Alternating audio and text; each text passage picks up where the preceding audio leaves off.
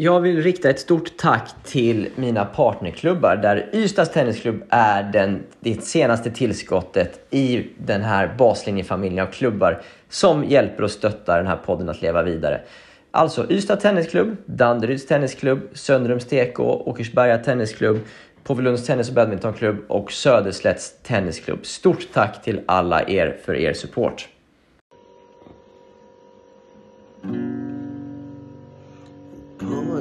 På tillbaks igen.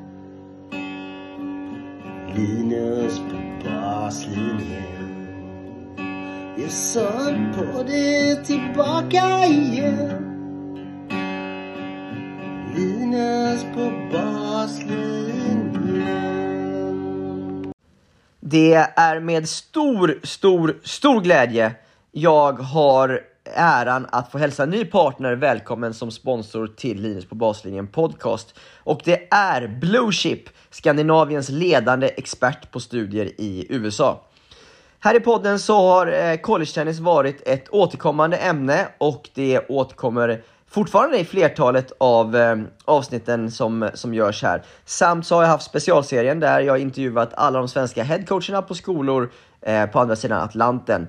Och eh, collegetennis är en stor del av svensk tennis och därför känns det som en perfekt matchning att bilda lag med Bluechip nu.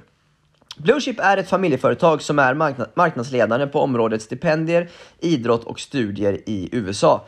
Man har hjälpt närmare 16 000 studenter till utlandsstudier och den erfarenheten har skapat en omfattande kännedom om olika skolor och studiealternativ samt specialkunskaper om collegeidrottens villkor och stipendiemöjligheter.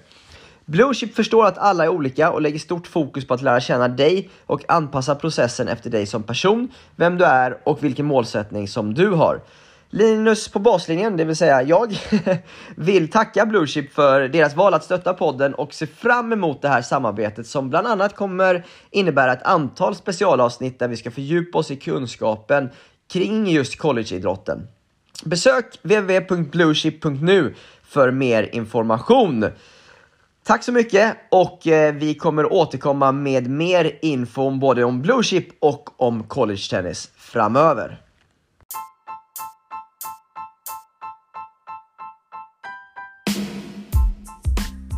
Idag har vi inte vilket avsnitt som helst framför oss utan vi har Svensk Tennis mot Grand Slam avsnitt 9 med Johan Falby och Fredrik Johansson.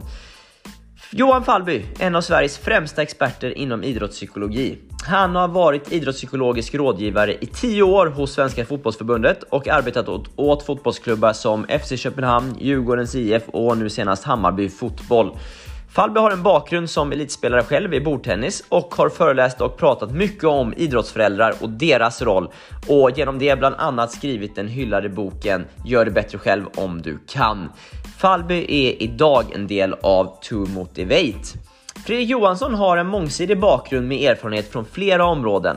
Han har arbetat heltid som tennistränare, varit ansvarig för fysisk utveckling och prevention hos Svenska Tennisförbundet, är utbildad naprapat, studerat idrottsmedicin och är idag forskare inom tennis där han bland annat bedriver studier om tennisskador och prevention. Fredrik har även han skrivit böcker, eh, bland annat, eh, eller har två böcker om fysisk träning och om ledarskap för barn och ungdomar. Vi cirklar som vanligt i den här serien kring frågeställningarna vad och vilka egenskaper krävs för att nå världstoppen i tennis? Få svenska spelare når Grand Slam-kval i singel och varför är det så? Och eh, i och med att vi har två gäster från olika bakgrunder och eh, Falby till exempel från andra idrotter så tar det här samtalet väldigt intressanta riktningar. Vad är en talangmiljö i världsklass? Vad är en tennisförälders roll och hur skiljer sig den från samma roll i andra idrotter? Behöver man specialisera sig tidigare i tennis än i andra sporter? Är svenska juniorer mindre hungriga på framgång än eh, juniorer från andra länder?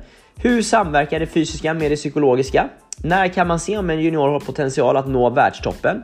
Och eh, när är man tennisproffs? Vi eh, kör igång! Vill ni stötta den här podden så klicka på avsnittsbeskrivningen. Jag är tacksam för allt stöd. Nu Falby och Johansson. Då sitter jag här för ett nytt avsnitt i serien Svensk Tennis mot Grand Slam. Och eh, nu har jag med mig Johan Fallby, välkommen. Tack så mycket. Och Fredrik Johansson, välkommen du också. Tack så mycket. Eh, vi, vi kommer eh, gå lite rakt på sak här eh, med, med frågeställningarna som, som den här serien eh, rör sig kring. Och den första punkten som jag brukar ställa till, till gästerna här är ju, kan, kan vem som helst bli tennisproffs? Så hur, hur ser vi på det? Om vi börjar med Fredrik. Ja, vad ska man säga Linus? Eh, Det är klart att det kanske beror på var man sätter gränsen tennisproffs. Mm. Därför att man skulle i princip kunna säga att om man ägnar sig på heltid åt en sak, om vi säger att det är tennis i det här fallet. Ja. Då, då skulle man kunna anse sig själv som tennisproffs. Om du inte går i skolan, om du inte har något annat jobb. Ja. Då skulle man kunna säga att nu är jag tennisproffs. Mm. Å andra sidan så brukar vi ibland när vi sitter och diskuterar så att om man är professionell så är det ofta förknippat med någon typ av feedback ekonomiskt. Och då vet vi ju i tennisen att är du rankad 600 så har du ju förmodligen minus på kontot. Så då kan man kanske inte riktigt säga att man är professionell. Nej. Och, och med det sagt så tror jag då att nej, alla kan inte bli professionella tennisspelare. Men Mm. alla skulle kunna ägna sig åt tennis på heltid.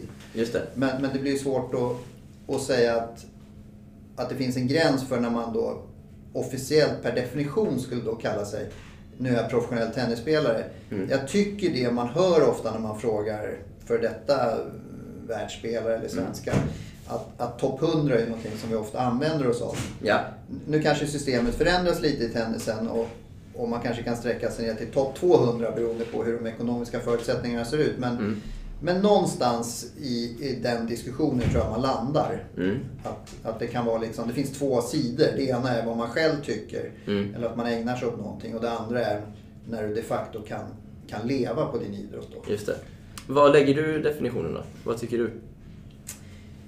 Ja, bra fråga. Jag skulle nog tycka att långsiktigt så bör man nog kunna leva på sin idrott om man ska kunna kalla sig professionell idrottare. Ja. Å andra sidan så vill jag inte sparka undan benen på någon som vill försöka. Och, och det, det tjatar vi ju jämt om i svensk tennis. Att vi Ja. måste ha fler spelare som försöker bli professionella idrottare. För att vi Mm. vet ju inte riktigt när, var eller hur det ska släppa. Nej, precis. Så att där måste man ju vara väldigt eh, försiktig tror jag med att sätta en cut-off. Men, men jag skulle nog ändå, om du skulle fråga mig, då, Mm. då skulle jag liksom säga att när du kan försörja dig på din idrott, då är du professionell. Just det. Ja, jag är med. Vad tänker du Johan? Nej men det var ett uttömmande svar så Ja, vi det går vidare. Nej.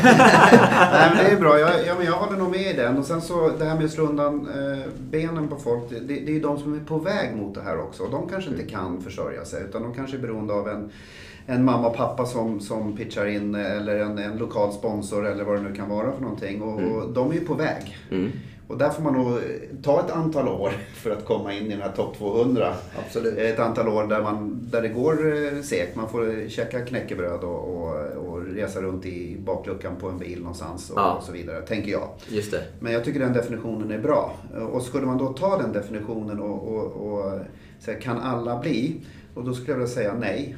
eh, Okej. Faktiskt. Eh, Jag tror inte på 10 000 timmar, alla kan göra det de vill eh, och träna, eh, träna bara så blir man någonting. Utan vi pratade lite i försnacket här och det finns de som inte klarar av den, den monotona träningen som krävs eller den mängden av träningen. Det finns de som ur ett psykologiskt perspektiv inte har motivationen eller Nej. viljan att, att förstå, liksom att hålla på så länge för att komma så långt. Ja. Så, så jag skulle nog säga att det finns de som inte kan. Eh, Så skulle vi gå in på eh, BB här bredvid och, och kolla och säga att de här 100 ungarna ska bli tennisproffs och så kommer vi inte att lyckas med de 100 ungarna allihopa. För de har inte det medfödda som behövs? Nej, för, det, jag, för mig är det en kombination av det medfödda. Men sen så, jag kommer från psykologins värld som är lite mer, den är inte lika rigid eller som den medicinska världen då, som är lite mer flummig och svårare att mäta. Så jag tror ju ändå på människans inneboende kraft. Ja. Och jag tror ju eh, att det viktiga delen är att man har med sig det här, jag vill försöka och se hur långt jag kan nå. Mm. Och sen att man är systematisk under många år. Just det. Och sen får man se hur långt det räcker. Just det. Och då tror jag att många fler har chansen kanske, för det finns ju en andra ände i det här, nej men det är bara några få utvalda som klarar det här. Men då kommer man bli överraskad och se, vem klarar det här? Och varför? Vad beror det på? Det, det kan vara massa olika orsaker. Just det. Men, men om man då så småningom pratar om någon form av talangidentifikation eller vad man kan kalla det. När kan man börja se då vilka som har de egenskaperna som behövs för specifika idrotter? Ja, jag tror att det är olika olika idrotter. Mm. Eh, Vi vet ju att det finns några idrotter som, som kräver en tidigare specialisering. Och Mm. ur ett psykologiskt perspektiv, så när det gäller talangidentifiering i varje fall, så, så pratar man kanske om konståkning, gymnastik, simning, eh, bordtennis. Mm. Tennis ligger lite tidigare eh, än, än eh, om man tittar på lagidrotterna. När man tittar på fotboll och hockey till exempel så, så ligger det lite senare. Och sen Mm. har du de här i, eh, sena idrotterna, alltså rodd, skytte brukar man nämna. Sådana Aha. idrotter där man faktiskt kan pika sent eller starta ganska sent för att, för att, och ändå bli fortfarande bli väldigt, väldigt duktig. Så här, ultramaraton och, och sådana saker. Så det är olika olika idrotter. Okej. Och jag tror att tennisen, om jag får gissa lite grann, har inte jag sett, jag tittade faktiskt igenom lite studier här då. Det finns ingen specifikt på tennisen eh, ur- med talang, talangidentifiering då, ur, ur, eh, psykologiskt perspektiv och, eh, där man ser specifikt. Då. Men tennisen ligger nog lite i, åt det tidigare hållet än, Okej. än, eh, än det senare. Och det beror ju på att det är faktiskt en, eh, du behöver både finmotorisk och, eh, och eh, grovmotorisk eh, kompetens för att klara av det. Och hålla Ja. på under så många år också. Just det. Men när du säger lite tidigare, vad, vad menas med det typ då? Ja, det finns ju olika modeller och då ska man ju alltid vara försiktig med och, och alltså de här modellerna är ju en jätteförenkling av verkligheten då. De här boxarna som säger steg ett, steg två och man ska börja med sampling då eller Mm. många idrotter upp till en viss ålder och sådär. Och det är ju en jätteförenkling. Ja. Eh, så Tittar man på genomsnittet kring det där så ser man ju tidiga tonår någonstans så kan man börja se någonting. Eh, Ja. Och framförallt kan man se då beteenden om hur man tränar, hur intensiteten ökar, vilken fokus man har i träningen och hur Mm. det här stegras på ett naturligt sätt så att Mm. det inte går för fort eller att man börjar för tidigt. Just det. För det är ofta mer negativa eh, effekter att börja lite för tidigt för mycket. Just det. Så Ja. att, eh, ja, men, grovt hugget, genomsnittligt. Mm. så någonstans tidigt tonår kan man börja se att den här, nej, men den här verkar ha någonting som, Okej. som kan vara spännande. Ja. Men sen att säga vem som lyckas, Mm. det är betydligt senare. Ja, just det. Va, va, vad säger din erfarenhet Fredrik? Så här, du har ju varit med så länge inom tennisen. Kan, kan man... Tycker du man kan ha sett vilka som har anlag för det på det sättet? Vi, vi tror oss ju kunna det. Ja. Men, men vi bevisar ofta, ofta fel gång på gång. Ja. Så att, eh, för att citera Johan Hedsberg. eh, Så, så han brukar alltid säga, jag tänker inte gissa. Nej. Och, och han är så som person, vilket jag respekterar och, och beundrar. Men jag tror att det ligger mycket i det. Ja, ja. Det, det är så otroligt svårt, som Johan är inne på här också, att säga vem. Mm. Så därför blir det nog, när vi pratar om det här, så är det nog viktigare att tänka i banor att vem är beredd att försöka? Mm. Vem, vem har liksom den, det tålamodet kanske, eller den liksom, det fokuset på något sätt. Mm. För att någonstans, och vi pratar ju mycket om det också, att det, det måste komma från dig Mm. som person. Och det, eh, och, och det vet vi ju hur svårt det är Mm. hos dagens ungdomar som Mm. peppras med information från alla håll och kanter. Och så Mm. ska de då, inte helt plötsligt, men de ska på något sätt då leva upp till det här enorma fokuset och tålamodet som krävs då för att bli bra i en idrott. Ja. Men, men jag tror att, att det är det man kan se, precis som Johan är inne på här. Just det. Men, men återigen, vem som lyckas sen, ja det har vi, det har vi bevisat oss själva fel många gånger. Så att där, där går det inte ens att gissa längre. Om man pratar om, om eh, liksom, eh, det fysiska då, eh, liksom till exempel ska, skaderelaterade grejer. Hur, hur, tidigt kan man se tendenser där att det kanske kan bli problem i längden? Om vi, om vi håller oss generellt då och tittar på idrott generellt. Ja. Då tror jag man relativt tidigt kan man se att någon har en bra fysik. Mm. Alltså att man, man rör sig bra eller att man har en bra kroppsbyggnad. Ehm, tittar man lite idrottsspecifikt då kan man ju börja fundera på är man lång eller kort? Eh, är man lite smalare byggd? Är man lite kraftigare byggd? Eh, Mm. Och sen kan man ju spekulera i hur det då skulle kunna gynna eller missgynna i någon typ av idrott. Då. Mm. Sen får man ju inte glömma bort såklart att tittar man i, i tennisen där vi kanske då tävlar tidigt och, och vi på något sätt sätter den här etiketten ganska tidigt. Mm.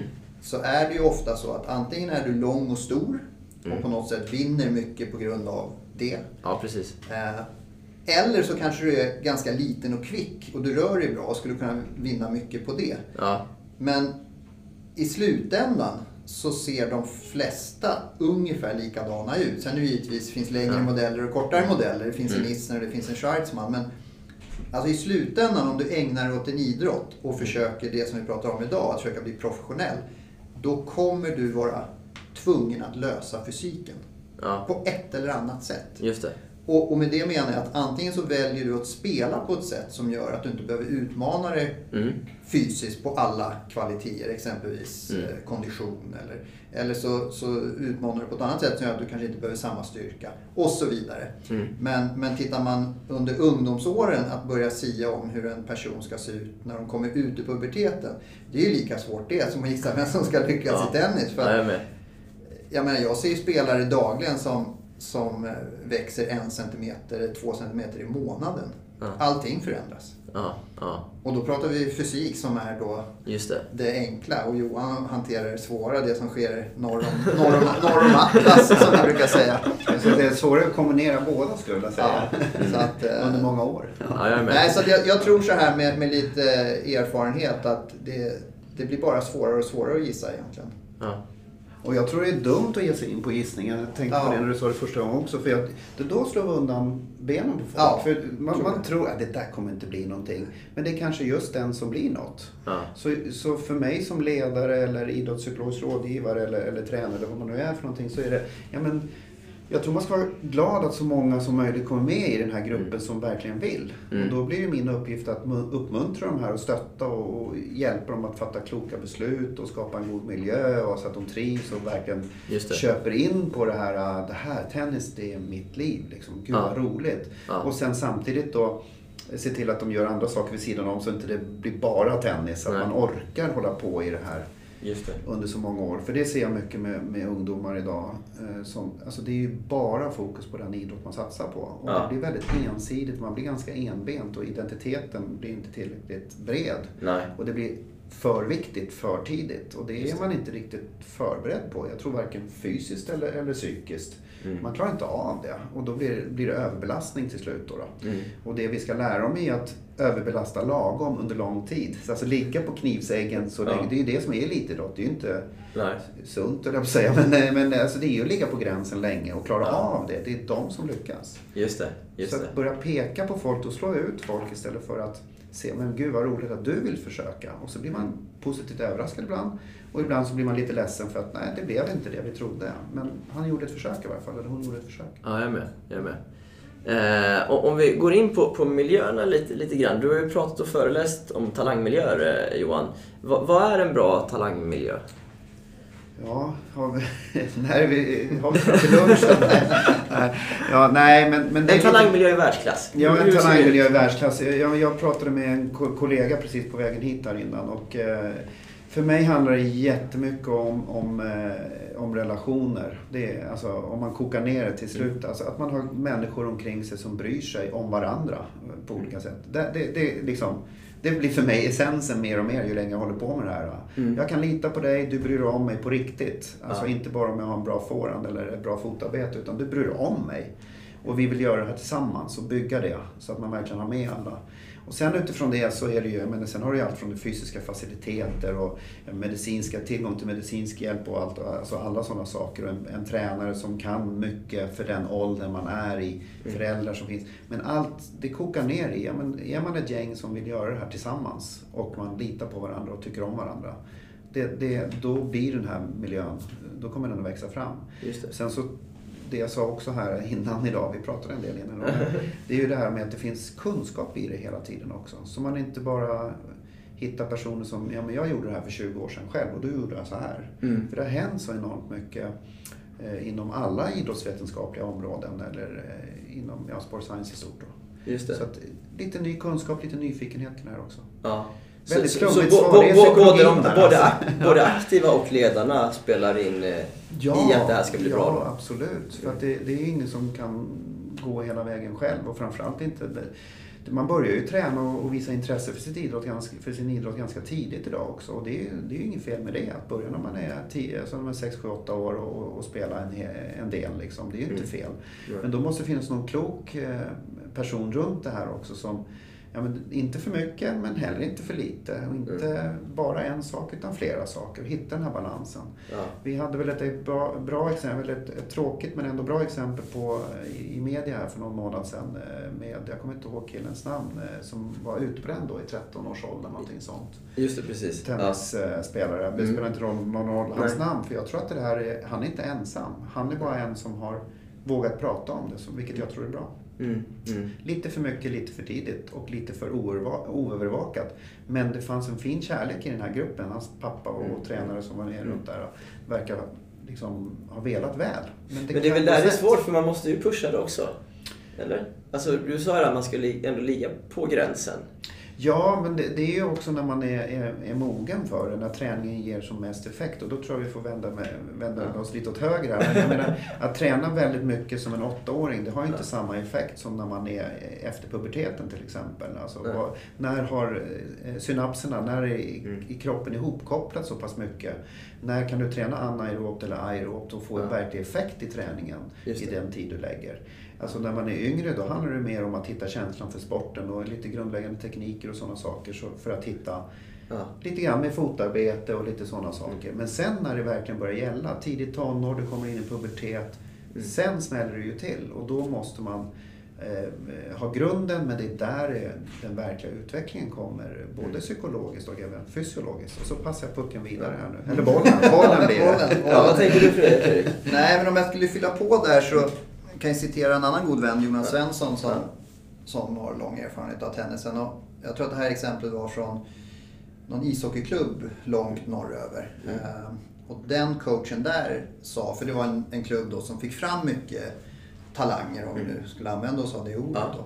Men han menar på, då, precis som du är inne på Johan, att det var tid och engagemang. Det var de två liksom, huvudstenarna som behövs. Mm. Eh, Och det andra växer fram så sagt i den här miljön. Då. Men har du inte tid med spelarna, då är det omöjligt att bygga relationer och träna teknik och träna fysik. För du kan inte göra det en timme i veckan Nej. på beställning med ungdomar. Det går inte. Och det andra är engagemang. Vi måste ha engagerade coacher. Mm. Drivkraften ska komma från spelarna såklart, men, men coacherna måste vara engagerade Mm. och pusha på det här. Så, så den, den tror jag skriver jag under på alla Mm. dagar i veckan. tror jag är jätteviktigt för den här miljön, om vi nu pratar om miljö. Ja. Eh, en annan sån där fras som har fastnat hos mig är Mikael Stripple som alltid sa att man måste kunna växla upp.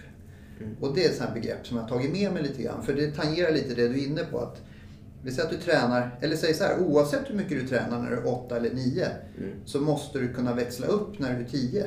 Mm. Och, och det måste kunna följa med dig. Fysiskt, mentalt och så vidare. Och följer man det, om man liksom tänker lite på det.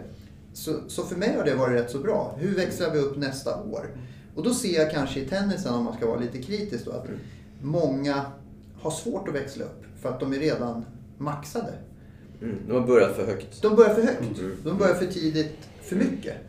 Och, och så är de 13 år. Och då, som i det här fallet, så kanske man då blir utbränd. Ja. Det kanske har varit bättre att växla upp lite senare. Så jag tror att det finns några sådana här eh, sensitiva begrepp. Men de är svåra att följa såklart. Men, men det är ändå bra att ha någonstans i bakhuvudet då. Mm. För att jag tror inte man ska vara för... Man, man ska hålla sig till, till vetenskap och allt vi nu kan om idrott. Men man, man måste ju någonstans... Därför gillar jag det här som Johan säger, att det är en relation någonstans mellan en aktiv och en tränare. Mm. Och, och det är ju nå- någonstans, det är det som är coaching. Mm. Det är det som är det här liksom, man, man känner i fingrarna. De som är riktigt bra coacher, de, de vet ju när man växlar upp och växlar ner. Just det.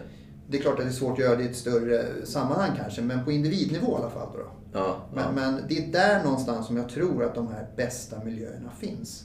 Just det det. finns alltid en väldigt erfaren, kompetent ledare någonstans i den miljön. Ja. Eh, Utan det så blir det, eh, ja som sagt vi hade mycket snack innan, men då kanske det blir styrt från agenter eller styrt från föräldrar eller styrt någon annanstans ifrån. Mm. Och de personerna måste ju finnas med. Mm. Men, men det måste nog vara någon som styr skeppet. Och Just det det. bör nog vara den här engagerade, kompetenta ledaren. För Just att skapa den här miljön över tid. Ja. obehagligt överens. Vi måste Ja. hitta någonting. nej, Men jag, kommer. ja, men jag tror de här relationerna är bra. Du är inne lite kort med föräldrarna. Jag har jobbat väldigt mycket med, med eh, föräldrar och föräldrautbildning. För jag tror just det att föräldrar vill ju så väl och så går de lite vilse för de har inte hela kunskapen. Och så ser de sin, sin dotter eller sin son där och, och så vill man ge allting och så köper man till det ena och det andra och det är tränare hit och läger där och, och så vidare. Och så gör man det ganska tidigt och så har man svårt att växla upp. Jag gillade det uttrycket där, växla upp. Växla upp är ett bra ord. Ja, jättebra. För att det, det ska ju vara en liten stegring varje år. Men om Mm. det börjar på 100% och så växlar det upp och växlar upp. Och, alltså, det, det, då blir det, blir det för jobbigt. Va? Om man nu, eh, ja. Just det. Och, så det, det ska vara en lagom stegring och att man kommer in i det. Ja. Jag har ju fått frågor eh, mycket om, om, om sådana här saker när jag är ute och föreläser. Och, och då är det så här, eh, allt ifrån att någon mamma räckte upp handen någon gång och sa att ja, men min son han, han tränar så mycket. De har två träningar i veckan och så match på helgen då, lagidrott. Och så, men vänta nu här, det, det är alltså, då håller han på tre timmar i veckan med sin idrott organiserat, eller, eller Ja. fyra kanske. Då, då. Och jag menar, han, kan ju hålla på fyra timmar om dagen. Ett barn alltså, Ja. om han var tio år eller någonting sånt. Då. Men en, en åttaåring kan ju hålla på fyra timmar om dagen med fysiska aktiviteter utan att det är problem. Bara lite olika saker och att det inte står en okunnig tränare eller förälder där och säger nu ska du slå 4000 forehands här idag. Mm. Då blir det inte bra. Nej. Men om man gör det lite grann och lite annat och, och kanske någon annan idrott och så vidare. Då älskar ju barn att röra på sig och det är där vi måste in och stimulera det, Just det. tänker jag då. Ja. Och då kommer föräldrarna in, lite kunskap där. Den här nestorn eller den här erfarna som är lite nyfiken. Och sen har man runt där lite vetenskap, lite tankar och idéer kring det. Just det, just det. Var är er upplevelse att det eh, oftast brister i miljöerna?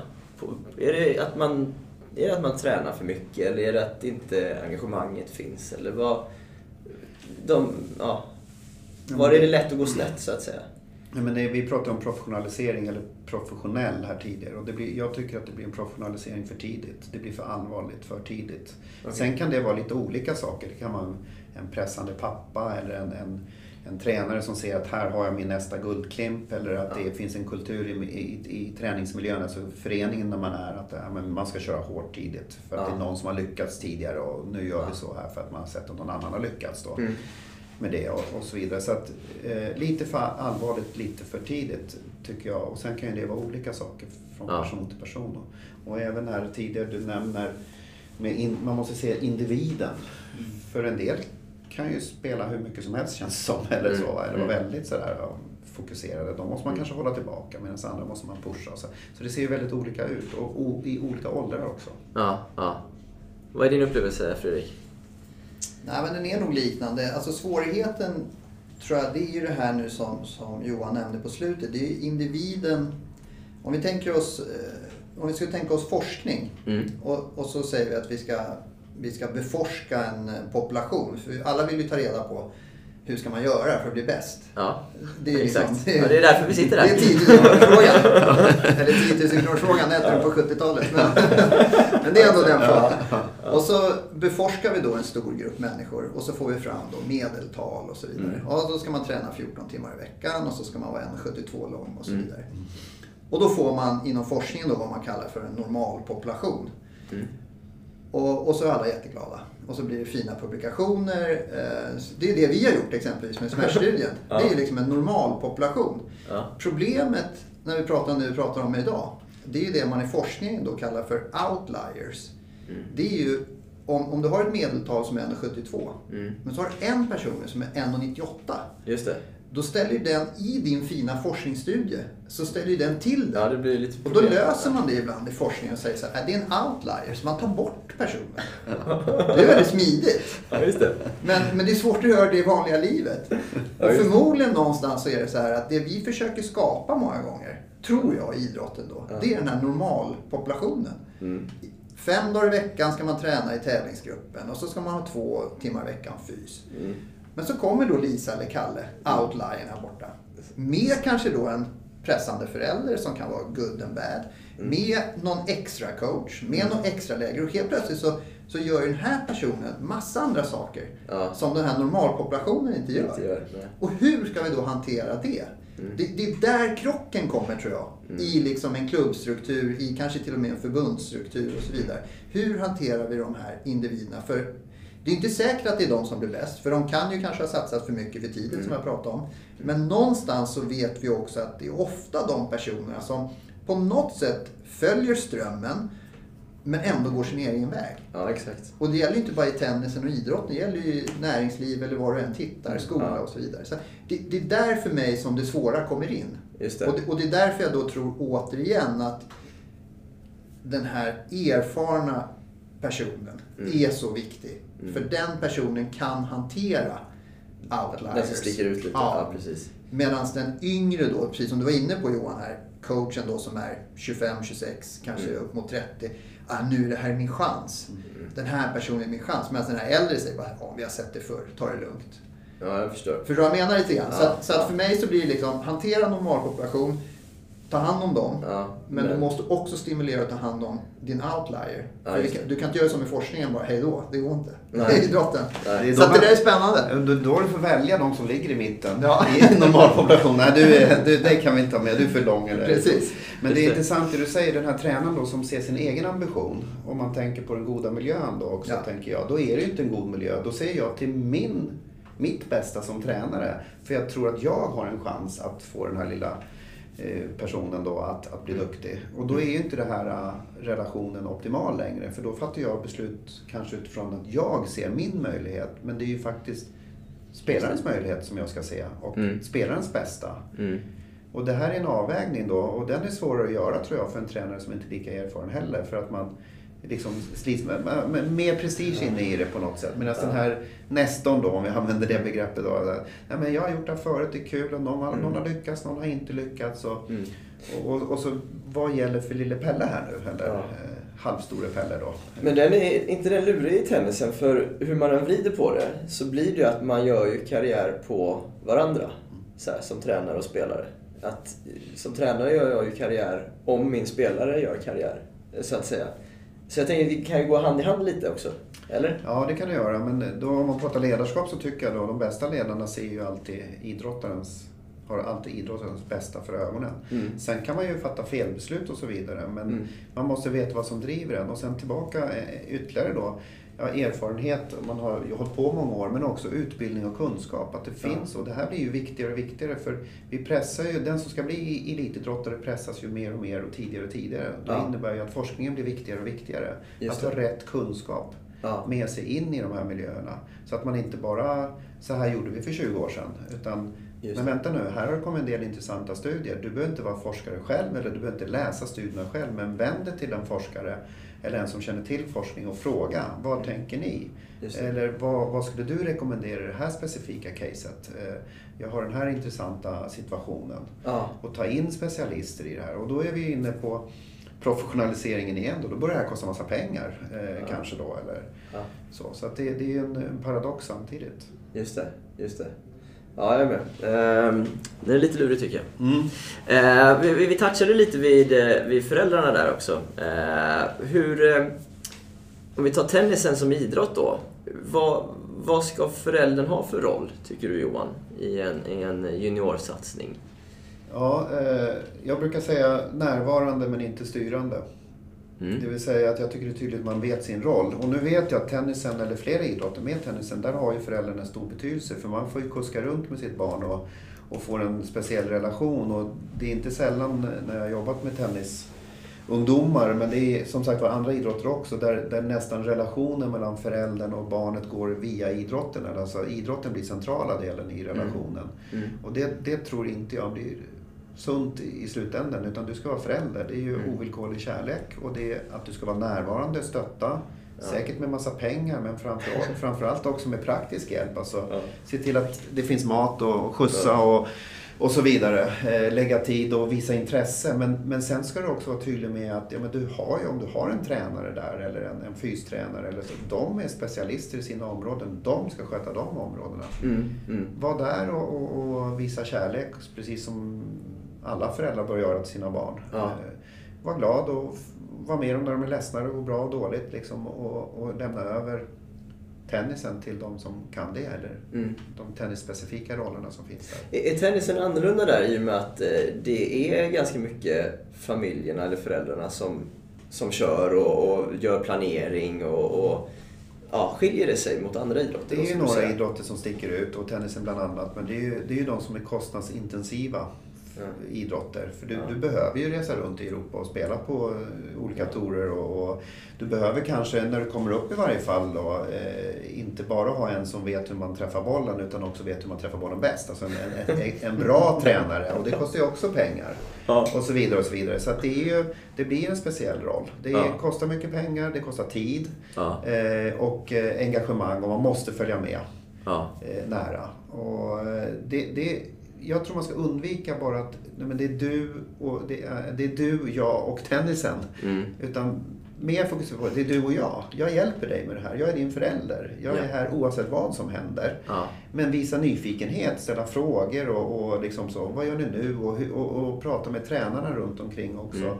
Hur kan jag stötta på bästa sätt? Vad håller ni på med nu? Vad ska jag lägga mig i? Vad ska jag inte lägga mig i? Och Just det. hitta den rollen. Men Ja. inte leva med barnet genom tennis. Tennisen är aldrig centralast. Utan det är, ju, det är ju din relation, din kärlek till ditt barn som är det mest centrala. Ja. Och det sunda stödet där runt omkring. Ja. Och det här är inte lätt. alltså, för jag har stött på många i många idrotter där där man vill så väl, men det Mm. blir så fel för att man inte har kunskapen. Och Mm. man blir ivrig och man vill ge allt till sitt barn. Man ser, wow, han har ju talang. Och så, Mm. Oj, det här kan vara jättekul. Självförverkligande allt det här. Mm. Och det här vill jag verkligen stötta och så blir det för mycket. Man tar över eh, Mm. det här. Så den, återigen, det är en balans eh, i, Ja. som i allt. Och det finns inget, finns inget facit heller. Utan du måste ju lära känna ditt barn. Men låt barnet Ja. vara i förarsätet i sin idrott. Och Mm. vara klok och lyssna med de här andra. Man pratar ju om triaden egentligen då, då. Att den är en balans. Och triaden är ju jag som förälder, du som tränare och barnet. Att den Ja. relationen funkar. Just det. Och att man hittar sina roller väldigt tydligt där. Ja, precis. Sen blir det ju snabbt, vi räknade här med någon gång jag jobbade med ungdomslandslagen i fotboll och då såg vi att jag tror vi kom mellan 15 och 20 signifikanta personer runt en, en duktig fotbollsspelare i 15-16 års åldern. Är det så? Ja, det ligger någonstans där. Du har allt från, eh, ja det är, det är ju föräldrar men det är agenter och det är tränare hit och dit och special, specialister och förbundskaptener och alltså så det blir ju då Brett. ganska många. Det kan vara någon skollärare, det kan vara någon Ja. nära kamrat och så vidare. Och Så det, Ja. det, någonstans där så finns det. Och ofta så är alla vill ju prata då tennis eller fotboll då med den här, Ja. Den här personen då. Just det. och det är det allt kretsar kring och det, det kan bli lurigt Ja. i så fall. Det måste finnas lite olika input i den här sekten som är Ja. runt, Ja. som är runt elitidrott, den blivande elitidrottaren. Då, då. Så, Just det. Ja. Ja, jag är med. Vad tänker du Fredrik? Nej, men först tänker jag så här en liten bit in i samtalet, att en liten reflektion. Jag jag vill bara jag vill bilägga det till protokollet. Att jag och Johan aldrig träffats. Nej, nej, nej, det har vi faktiskt. Jag har hört talas om det Ja, kan jag ja. säga i olika sammanhang. Jag, jag tror jag har googlat det vid ett par tillfällen. Ja. Så det vill jag bara bilägga till protokollet. Det andra är att man lär sig alltid någonting nytt. Och Ja. det här är ett nytt ord som jag har lärt mig nu. Kostnadsintensiva. Det älskar jag. Ja, det jag lever med tre numera vuxna kvinnor, en fru och två döttrar. Det är rätt kostnadsintensivt.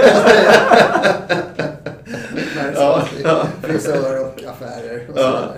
Ja, det det var bara en liten reflektion. Ja, den är bra faktiskt. Nej, men vad kan jag tillägga? Jag kanske kan tillägga, jag var på en tennisklubb här i Stockholm, Mm. en av de större, och skulle ha ett eh, föräldrasamtal kan man säga, gruppsamtal då. Mhm. Och då, då ville klubben att jag skulle prata om då, givetvis min profession då, alltså med fysik och medicin och så. Mm. Men så, eftersom jag själv är tennisförälder och Ja. ja, har gjort en hel del misstag och lär mig under, under utbildning, under utveckling som jag brukar säga. Så då ville de att jag skulle prata lite om det också. Och då försökte jag förklara för de här föräldrarna då, som då var tävlingsgruppsföräldrar Ja. till då, jag vet inte, 9 till 16 år eller deras barn var ju där. Och då försökte jag då liksom med lite perspektiv förklara vad är det de ska, vad är de ska ställa upp med. Och då sa jag till dem så här, ett tips kan vara då att, och det är det som Johan är lite inne på här, att försök att stötta med det som kanske tennisklubben inte stöttar med. Och tennisklubben stöttas, oftast då stöttar ju de med träning, Mm. coacher, fysträning och så vidare. Så då sa jag så här, när helgen kommer så behöver ni kanske inte åka ner och spela sju timmar tennis med, med er son eller dotter. Även om det kan vara bra kortsiktigt för att de ska Men det kan också vara bra att åka till ishallen, simhallen, göra andra saker. Mm. För att det som kanske har förs- försvunnit lite grann ur, ur svensk idrott generellt på grund av tidig specialisering är ju att vi kanske inte behåller idrotter så länge. Vilket vi vet, vi vet att det är bra för motorisk utveckling, det är bra för det mentala etc.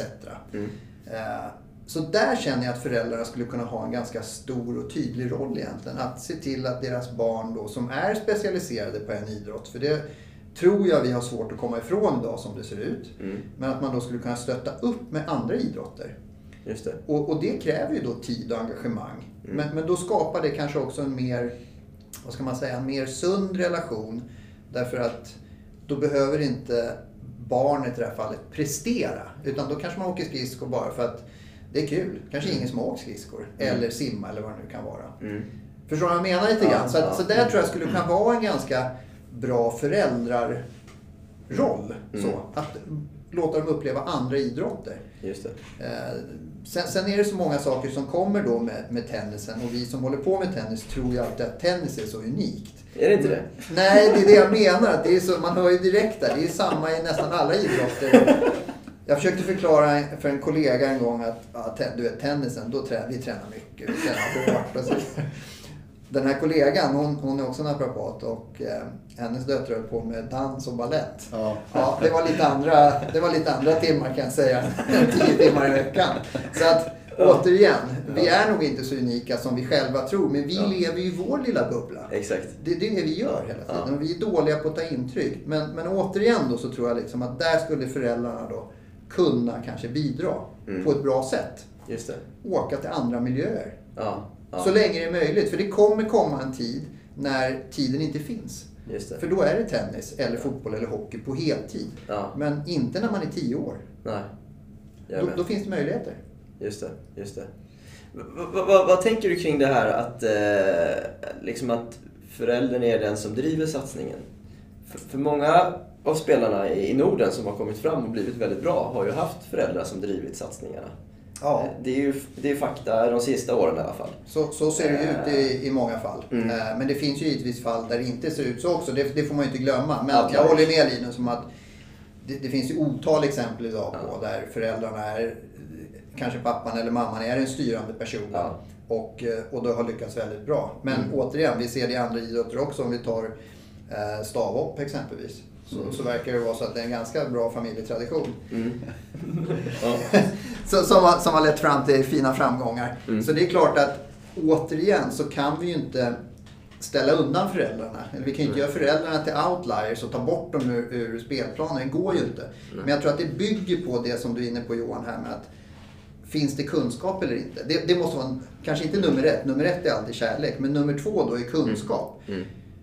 Och i de fall där det finns kunskap och en klubb exempelvis då kanske inte alltid kan ställa upp 100% för att det är väldigt kostnadsintensivt för klubben att göra det.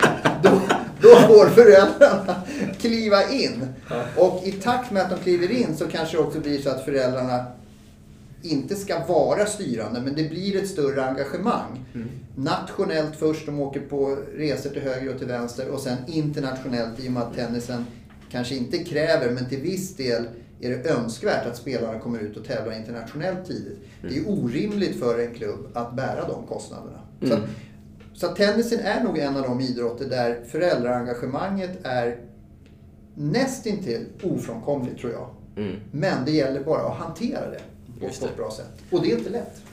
Nej, jag håller, håller med där. Och, eh, eh, jag tror, du ställde frågan där, jag tror du tennisen är speciell på den, eh, på den punkten. Det tror jag. Mm. För att det kräver, eh, för man ska kuska runt och det, det går inte att ha en egen tränare varenda timme. Mm. Och då är det ännu viktigare att man hittar sin roll och har lite kunskap om, om hur man bygger den här miljön som vi började prata om tidigare. Ja, Så ja. att man inte driver någonting som, som inte är sunt egentligen över tid. Mm. Och jag gillar, jag får ofta den frågan också. Ja men min grabb han vill bara spela tennis eller hockey eller vad det är. Och precis, jag understryker det, den här att man får en motorisk eh, karta, liksom mer än bara tenniskartan Mm. i unga åldrar. Så att man har lite mer att spela med och får lite också allsidig träning och röra sig och lära känna sin kropp på olika sätt. Det, det är mina enkla råd som jag brukar säga och sen brukar jag hänvisa just till de som kan medicin och fysiologi bättre. Men jag tror att det är extremt viktigt också för motivationen. ja. För att bara spela tennis hela tiden när du från det att du är sex år gammal, det kostar. Alltså, Just det. För, för jag tänker egentligen att om man pratar de fysiska färdigheterna så, handlar, så skulle ju en tennismiljö kunna ta hand om den utbildningen själva också. Va? Om man skapar den träningen eh, istället för att åka till en innebandyhall till exempel. Eh, men att man menar att man vill utöva många olika idrotter för det mentala eller sociala då också. Eller? Och att kanske inte tennisklubbar klarar av att, skapa den träningen då som behövs för den allsidiga eh, inlärningen. Ja, just det. Nej, men om jag förstår det rätt Linus. Det är klart att en tennisklubb skulle ju kanske kunna ta ett ansvar att utbilda spelare i alla möjliga idrotter. Eh, och man kanske inte ens behöver kalla det utbildning. Man, man kan bara se till att ytorna finns. Ja. Ett jättebra exempel nu är ju Ullevis nya lokaler nere i Göteborg. På Mejerigatan där jag hade förmånen att få vara. Och Christian Persson visade hur de har byggt upp jättestora, liksom, nästan tomma ytor. Där du kan leka och hålla på med basket, pingis och, och så vidare. Men det är klart att åtminstone om vi ser, nu, nu var det här en storstad, men ofta är det ett problem i större städer. Att det är så dyra ytor. Så då blir det svårt för en tennisklubb att husera även liksom allmänidrott då. Ja. Men, men återigen så tror jag då att det finns en poäng i att lämna tennisklubben också. Att, att liksom arrangera innebandy på lördagen i en gymnastikhall någonstans. Eller åka till simhallen. Det finns en poäng i det att rent mentalt att när man kommer till tennisen så är man kanske lite mer tänd än om man är där hela tiden och håller på med massa andra saker. Så det, det är nog många aspekter på det där. Mm. Men, men helt klart om vi ser det bara rent fysiologiskt så är det självklart att det är o, ovärderligt hur viktigt det är att hålla på med fler idrotter för att bli bättre i tennis. Så, så är det ju bara. Men det är återigen, till slut så har du inte tid. Nej. Eh, Men fysiskt kommer du orka hur mycket som helst. Det är, inget, det är inget konstigt som du säger Johan, att vara igång fyra timmar om dagen. Det var vi alltid förr i tiden. Ja. Så, så, så det, var inget, det är inget konstigt. Men, men om du gör samma sak fyra timmar om dagen, sex dagar i veckan. Då- Det är klart, då är det jobbigt när du är ung. Mm. Så småningom kommer du dit. Men, men då är det ju bra att fylla på, om man säger, med annat. Ja, men när, du, när du kommer dit, då är du fullvuxen och har, a, a, a, kroppen är färdigvuxen och du både mentalt och fysiologiskt och medicinskt, då sitter du ihop allting och då ska du vara förberedd till att, med tanke på den här lilla stegringen man ska göra varje år, växla upp. Ja. gör man långsamt varje år och sen när du då är uppe i 20-årsåldern och är färdigvuxen och så allting är, men då ligger du på de här timmarna och då är det tennis med träning som är specifikt för att förbättra tennisen. Och då ska du klara av det. Och det ska ju stegras, det ska komma stegvis och man ska Ja. inte trötta ut dem mentalt eller fysiologiskt för tidigt. Just det. Och jag menar, det är jätteviktigt och det, där tycker jag att man eh, i debatter och sådär så blir ju folk ofta missuppfattade när man lyfter fram vetenskapen som säger stegvis, ta, ta lugnt, håll på med olika saker. Men till slut blir det ju en specialisering. Och den specialiseringen är ju den vi strävar efter. Men det är den tidiga specialiseringen man ska undvika. Eller, eller göra på ett så klokt sätt som möjligt så att man orkar komma in i specialiseringen. Ja. Och den kommer ju någonstans upp mot slutet på tonåren och därefter. Då är man ju fullständigt specialiserad och, och då ska man förbereda sig för att klara av att resa runt på vinna Grand Slams då. då. Men, men, men är, är det åldern som avgör det eller är det när du är, har färdigheterna på plats som du kan specialisera dig? Ja, men det är ju, jag, för mig tycker jag mycket att det är den fysiologiska utvecklingen som, som styr det där på många sätt. Okej. När kroppen klarar av en sån hård belastning som det är, det är en, Ja. stor, en stor del. Men den mentala delen är också, en- alltså med motivationsdel och sådana saker finns ju med i det här. Och att en mental mognad, att kunna koncentrera sig så lång tid och så vidare. Men för mig är det i alla fall först och främst den fysiologiska mognaden. Kroppen är inte, det, det finns ingen mening i att träna eh, anaerob träning för tidigt. För du får inte effekt av träning på det sättet som Ja. du får efter att hjärtat är färdigvuxet till exempel. Just det. Och då är det dags att skicka vidare här nu Ja, också. För att, eh, egentligen, för, men men det där, Ja, för mig är det så Nej, fall. men det, jag, jag håller med om det eh, till 100 procent.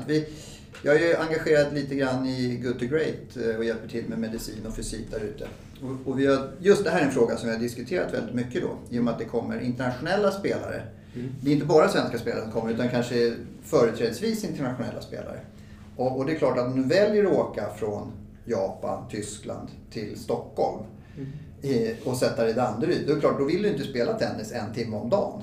Utan du vill spela mycket tennis. Det är därför du är där och föräldrarna betalar en slant för det här. Ja. Och då har vi försökt forma en modell som vi kallar för LOAD-modellen som vi sen har försökt applicera då, både mentalt och fysiskt. Ja. Och den bygger på tre steg. Okej. Och är väldigt simpelt, men, men för oss har det fungerat ganska bra. Då kallar vi det för att man är load sensitive. Som inte är åldersbetingat utan det är liksom, du är känslig för belastning. Och det kan vara mental belastning och det kan vara fysisk belastning. Mm. Men det är klart att skulle man titta på ålder, ja då förstår vi att då är man någonstans kanske upp till 14, 15, 16. Du, du är liksom känslig för du, du har en tillväxt i kroppen. Det händer mycket mentalt och så vidare. Eh, och en internationell spelare kanske till och med är, som på Gutter Greats fall eller andra fall, då, där utan sina föräldrar. Så, så, så det stödet kanske inte finns. Så då, då har vi kallat, då är man load sensitive. Och då måste träning och så att säga miljö anpassas lite grann efter det. Och nästa steg är att man är load naiv, det vill säga att man är varken eller kan man säga. Men man, man är på väg att liksom bli idrottare då. Och sista steget är att man är load tolerant. Och då är man tolerant mot mental belastning, fysisk belastning och så vidare. Och, och för oss har det varit bra för då har vi tittat på olika spelare och sagt att personen i fråga har vuxit nu som vi var inne på tidigare 10-12 centimeter på ett år. Ja, då vet vi bara rent fysiologiskt att spelaren är känslig för belastning. Sen kan det vara andra situationer där spelaren kanske har det är lite trassligt på sidan om. Exempelvis då. Och då vet vi att då är, då är spelaren känslig för mental belastning. Då kanske det är fel just då att skicka den här spelaren på tävling tre veckor ensam. När det inte är liksom saker och ting är på plats här borta. Så, att, så att vi, har, vi har kallat det här load-modellen och, och så har vi liksom försökt ha det lite som ett begrepp. Då. Det funkar väldigt bra i diskussionerna då mellan fysmed och tränare och även då föräldrar. Så jag har haft en del samtal med eh, föräldrar utomlands då via Zoom och så har jag försökt förklara liksom att din, din son är, nu, han är load sensitive. Och, då, och då, för, då förstår de på ett annat sätt. Ja, ah, jag förstår. Liksom. Så ta Okej. det lite lugnt. Okej. Så, att, så det, för oss har det varit bra. Det har varit en bra modell. Så, så vi får se. Nu, vi kanske jobbat efter den här modellen något år och sånt där. Så vi får Ja. se över tid om den håller. Men, Ja, men. Vi, vi har verkligen försökt tänka efter. Liksom, hur ska vi kunna liksom, Ja. kategorisera men inte åldersbestämma? För det, det, det är där det faller oftast. För vi är tillbaka till outliers. Ja. Att helt plötsligt har du en som är fysiskt förberedd tidigt. Varför Ja. ska den personen vänta? Nej. Eller om vi tar våra tjejer exempelvis då som är ja, men mentalt försprång hela livet. Men om vi, om vi tar alltså fysiskt är de ju mycket tidigare. Ja. Ett par år. Så de skulle ju per definition egentligen tåla en högre belastning tidigt. Men då är vi oftast lite försiktiga. Så, att, så det finns många aspekter på det här. Eh, Okej. Hur man kan använda på individnivå om du är sensitiv, naiv eller tolerant. Då. Just det.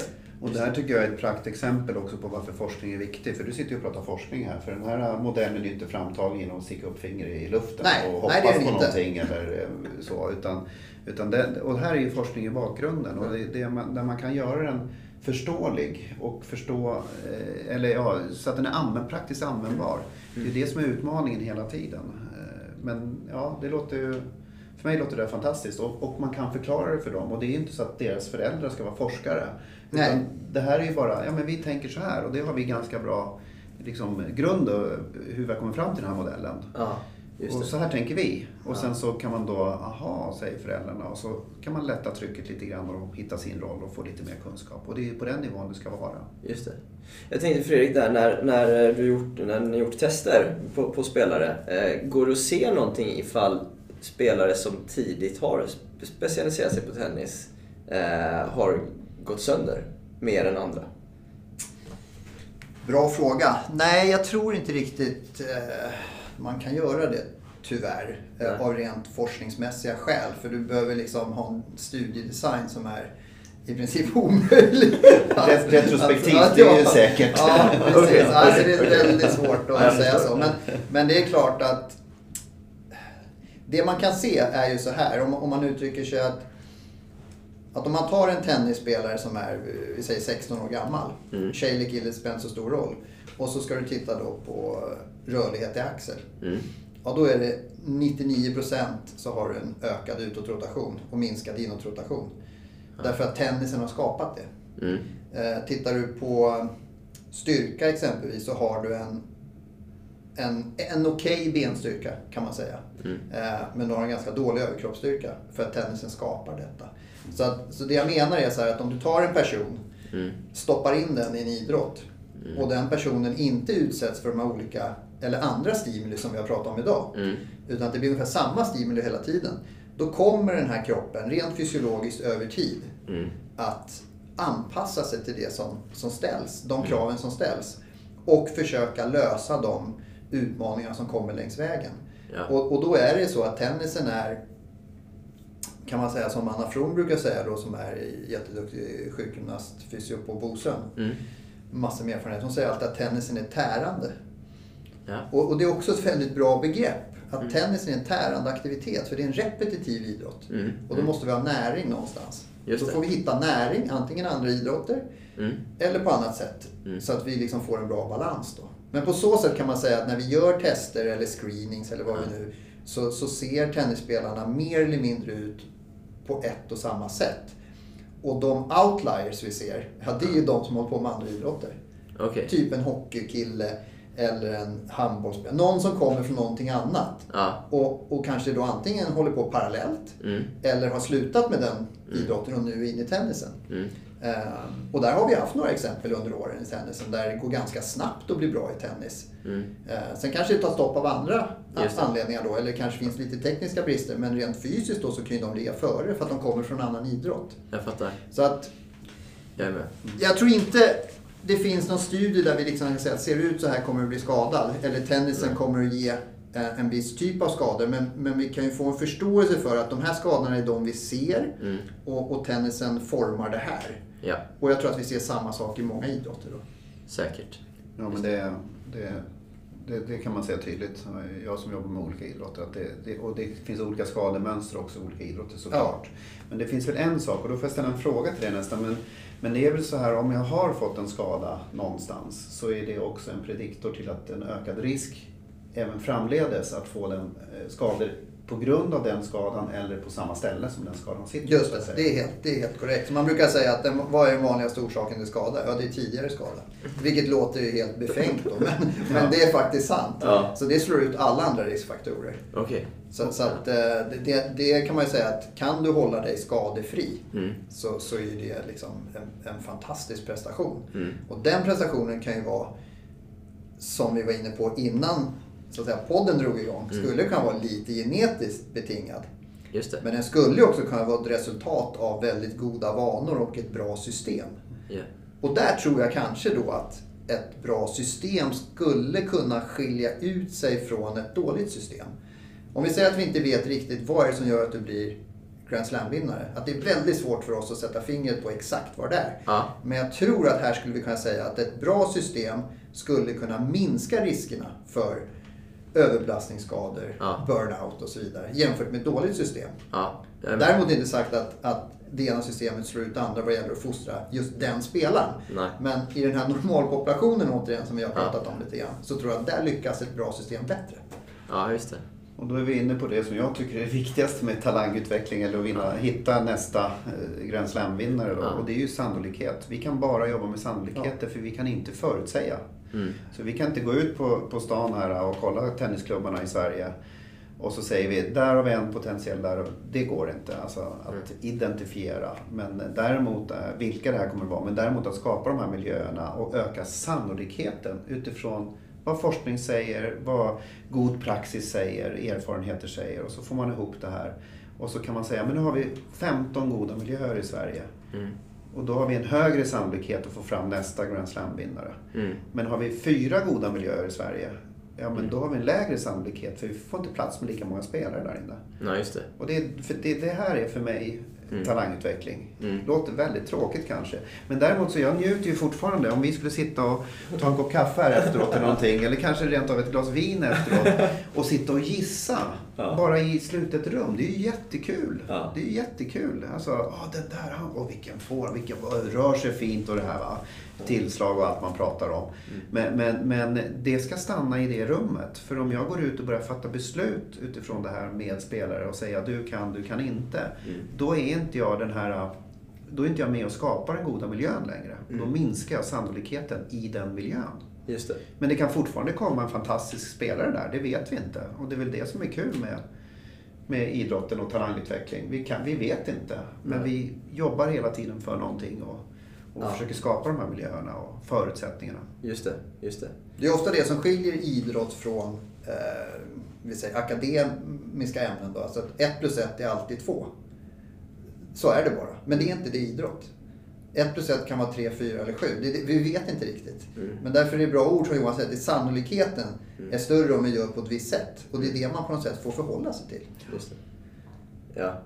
Eh, en anledning till att vi, vi kanske inte får fram så många Grand Slam-spelare är, är ju kanske att vi är för få till slut. Att vi tappar ju spelare längs med vägen. Precis som i alla idrotter så, så, så slutar ju spelare. Eh, jag, jag tänkte liksom först med dig Fredrik, så här, eh, vad tror du är anledningen till att vi, vi tappar spelare när de blir äldre, juniorer kanske, innan de gör sin seniorsatsning? Är, är det delvis på grund av fysiska problem eller vad, vad tror du det beror på att vi är ganska få till slut som gör den ordentliga satsningen, så att säga? Ja, jag tror inte att det har med fysiologi att göra. Nej. Det är självklart så att det finns fall där man kanske har en ryggproblematik eller knäproblematik eller någonting. Så det går inte att komma till rätta med det helt enkelt. Men, men de allra flesta problemen går att komma till rätta med. Med respekt för att jag vet att det finns spelare som inte har lyckats då. Men jag skulle ändå säga att skador och fysiologi är inte den stora anledningen. Nej. Jag tror någonstans, eh, och, och sen ska man givetvis säga att, eh, som jag varit inne på under dagen, ekonomi. Det är givetvis en jättefaktor i tennis då i och med att du måste resa, du måste investera under lång tid, du har noll garanti och så vidare. Då kan det ju vara så att det finns inga pengar. Det kan också vara så att nej, vi kommer inte lägga 4 miljoner på dig. Eh, vi, inte, vi, oh, vi har pengar men vi kommer inte lägga de pengarna. Så, så det, det ska man också ha respekt för, givetvis. Då. Men, men om vi bortser då från det finansiella så tror jag någonstans att det är för få som på något sätt vill ge sig själv chansen för att det finns kanske så många andra alternativ att välja på. Och med det menar jag inte att det liksom haglar alternativ, men vi, vi lever i, vi bor ändå i Sverige som, som fortfarande är ett, är ett bra land att bo i. Det finns en kultur om utbildning, universitet. Så det finns eh, andra vägar att gå inom näringslivet och så vidare. och Så vidare. Så du har ganska gott om möjligheter där. Och det är klart, om du då ska välja tennis eller elitidrott om vi säger, som är otroligt tufft. Ehm, och jag har själv aldrig varit elitidrottare så jag kan egentligen inte riktigt uttala mig om hur tufft det är. Men jag har ju varit i miljöer som vi har pratat om. Så jag ser ju hur, hur folk sliter. Om du ska välja det spåret och välja bort någonting annat här i periferin som du vet att det är rätt skön miljö, bra miljö. Ja. Då måste du vara väldigt klar med ditt mentala tillstånd. Att det är den här vägen jag tänker att gå. Och därför så tror jag att det är färre idag som, som gör den satsningen jämfört med kanske bara för 15-20 år sedan. När det var fler som, som valde att gå den här vägen. Det tillsammans med att det är klart, eller säg så här då, att när det är färre som försöker och så kommer du själv upp som 18, 19, 20-åring och ska försöka. Så tittar du givetvis runt omkring. Vad gör alla andra? Oj, vad får det som försöker? Varför, ska, varför ska jag då försöka? Varför ska inte jag plugga eller varför ska inte jag göra någonting annat? Men, men om vi backar bandet i svensk tennis och, och gång på gång så såg vi att ja, men han lyckades, hon lyckades, han lyckades. Ja, men jag kommer också lyckas. Då blir det ganska tydligt. Så, att, så där tror jag liksom att det här med miljö som vi har pratat om. Det, det är ju extremt viktigt om vi kan ha en miljö där fler och fler försöker. Därför att till slut så poppar det upp därifrån då.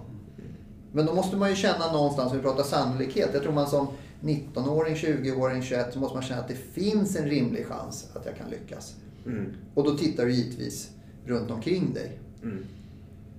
Ja, någonstans åt det hållet. Vad tänker du Johan? Nej, men det är ett intressant perspektiv och nu, nu blir det en, eh, nu är vi utanför vetenskapen. Ja, men nu är det lite, mer filosofiskt. Ja, Ja, men det är sant. det. Men Ja. jag tycker det. Jag, jag håller med och jag får ju en känsla av och, och, och när jag tittar på svensk idrott så jag, jag får nog ändå lyfta ekonomin i det här lite grann också. För om man tittar på, på Sverige idag, hur man satsar på idrott och, och, och, och då pratar jag allt från att skapa de här ungdoms, barn och ungdomsmiljöerna.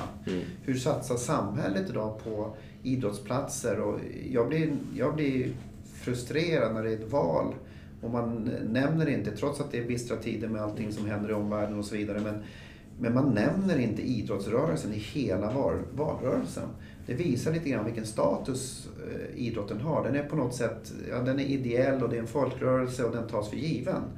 Men jag tror att idrotten i elitidrotten i världen eh, håller på att dra ifrån oss med medel, alltså ekonomiska medel, förutsättningar, statligt stöd och så vidare. och så vidare. Mm. Man har ju sådana här för, länder som, som Australien då, som, som, som satsar stenhårt då med, eh, kanske mycket med starten med Sydney, OS och så vidare. Men, och där händer det någonting. Ja. Och då ham- hamnar det i knät på enskilda eh, föräldrar som, som ska driva den här satsningen. Och det Mm. funkar inte idag. För det blir mer och mer professionaliserat. Det blir mer och mer kunskap. Det blir mer och mer vetenskap. Det blir mer och mer... Ja. Det spetsas hela tiden. Det, det är ett race ute Mm. i världen. Och där tror jag vi håller på att tappa lite grann. Och det, då vänder jag mig tillbaka till samhället igen. Mm. Idrotten är enormt viktig. Här sitter vi och pratar om nå- några promille, att säga, men någon halv procent av, av svensk idrott Ja. utövare eller någonting sånt. Ja. Och, och, och det, gäller ju, det här gäller ju i grund och botten alltså folkhälsa och rörelse, motion och vara ett folk som mår bra. Mm. Och inte ens de förutsättningarna tycker jag är lika bra idag som de var för några år sedan. Och det Nej. går ju naturligtvis ut över spetsen. För det är Ja. återigen sannolikhet. Har vi 100 000 som håller på med en idrott i landet eller har vi 50 000? Det Mm. kommer att påverka över tid i varje fall hur många elitidrottare vi får eller hur duktiga de blir. Ja.